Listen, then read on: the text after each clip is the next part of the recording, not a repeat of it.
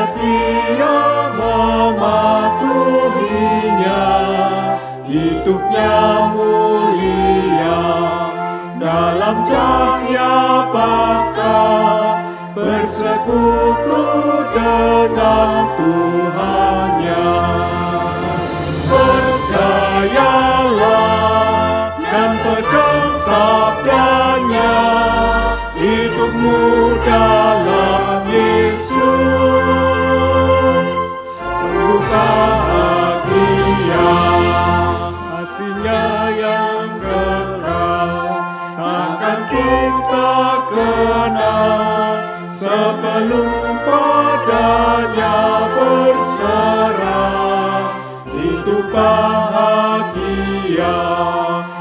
disediakannya bagi yang berpegang padanya. Percayalah dan pegang sabdanya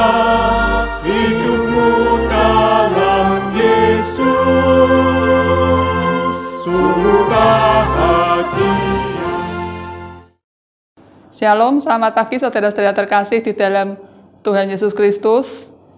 Senang kita bisa berjumpa kembali dalam acara Hikmat Pagi pada pagi hari ini. Pada pagi hari ini, Hikmat Pagi akan dibawakan oleh Pendeta Utomo. Sebelumnya, mari kita persiapkan hati kita, kita berdoa. Bapa di dalam surga, kami mengucap syukur atas berkat dan pimpinan dan penyertaan-Mu sampai pada hari ini.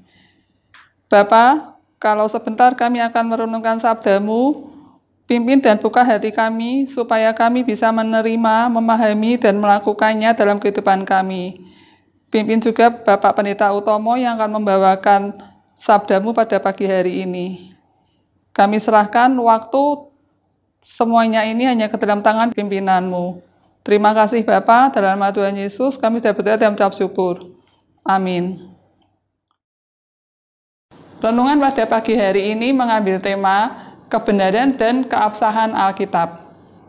Bacaan diambil dari Matius 5 ayat 18 yang berbunyi demikian.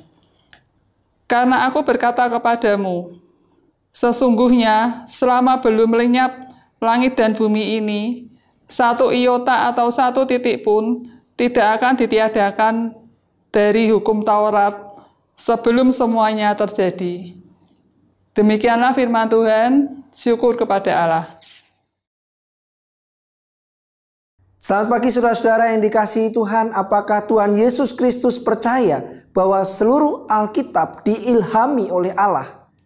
Jika kita membaca keempat Injil, maka menarik sekali mempelajari bagaimana Tuhan Yesus menggunakan ayat-ayat suci dari perjanjian lama. Dari hal ini, kita mendapat pelajaran penting tentang pandangan kita mengenai kitab suci, yaitu Alkitab seharusnya sama tinggi seperti pandangan Tuhan Yesus. Jika demikian, bagaimana pandangan Tuhan Yesus mengenai Alkitab?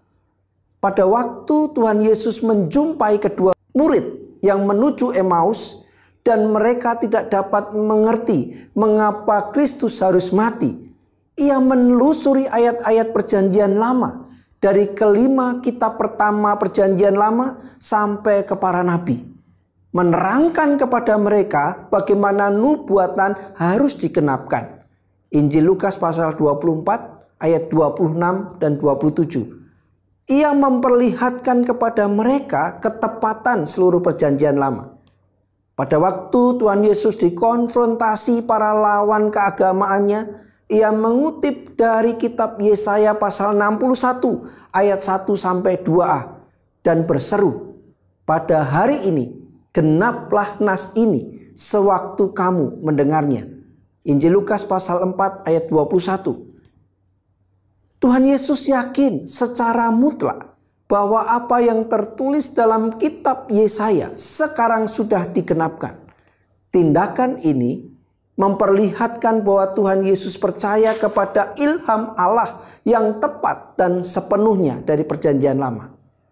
Pada saat tergenting dalam misinya di dunia, sementara tergantung di salib, Tuhan Yesus berpaling kepada Mazmur dengan berseru, Allahku, Allahku, mengapa engkau meninggalkan aku? Matius pasal 27 ayat 46. Ia mengakui bahwa ia sedang menggenapkan misinya sebagaimana diberitahukan Daud di Mazmur pasal 22. Waktu maut menjelang, ia berpaling ke doa dari Mazmur pasal 31 ayat 5. Ya Bapa, ke dalam tanganmu kuserahkan nyawaku. Lukas pasal 23 ayat 46. Apakah mungkin Tuhan Yesus dapat melakukan itu dengan keyakinan penuh bila ia tidak percaya kepada kitab suci? Andai seluruh perjanjian lama tidak diilhami oleh Allah, Tuhan Yesus tidak akan dapat berdebat dengan para lawannya seperti yang ia lakukan. Ia mengutip banyak ayat dari kitab-kitab perjanjian lama mengungkapkan keyakinan sepenuhnya kepada kebenaran dan keabsahan seluruh Alkitab. Oleh karena ia memiliki keyakinan sepenuhnya kepada keabsahan dan ketepatan seluruh kitab suci, maka kita juga dapat mempercayai seluruh Alkitab sepenuhnya.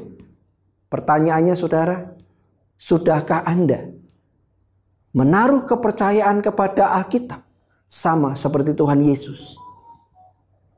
Pandanglah Alkitab sebagaimana Tuhan Yesus Kristus memandangnya. Amin. Mari kita berdoa. Bapa yang baik kami datang di hadapanmu dengan penuh syukur dan sukacita.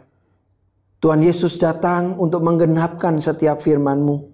Dan dengan apa yang disampaikan Tuhan Yesus di dalam Injil, maka kami yakin sepenuhnya bahwa Alkitab adalah kebenaran. Alkitab adalah firman yang disampaikan oleh Tuhan. Oleh karena itu, mampukanlah kami untuk taat dan setia, untuk tidak ragu, namun melakukan dan mewujudkannya. Berkati kami hari ini, supaya hari-hari kehidupan kami sepadan dengan panggilanmu, supaya hidup kami seturut dengan ketetapanmu, bahkan Alkitab menjadi satu-satunya kebenaran yang akan kami pegang di dalam kami menapaki hari-hari kehidupan kami. Berkati kami hari ini Tuhan, di dalam nama Yesus kami berdoa. Amin. Saudara-saudara yang dicintai Tuhan, firman Tuhan di dalam Alkitab adalah kebenaran. Firman yang dinyatakan di dalam Alkitab adalah sumber kehidupan. Oleh karena itu mari kita taati. Mari kita praktekkan di dalam keseharian hidup kita. Alkitab adalah otoritas tertinggi anugerah Allah. Alkitab menjadi sumber inspirasi dalam kehidupan dan kekuatan menghadapi setiap masalah. Setiap anak Tuhan yang menghidupi Alkitab akan merasakan anugerah. Selamat berkarya hari ini. Selamat menjalani ketetapan Tuhan. Tuhan Yesus memberkati.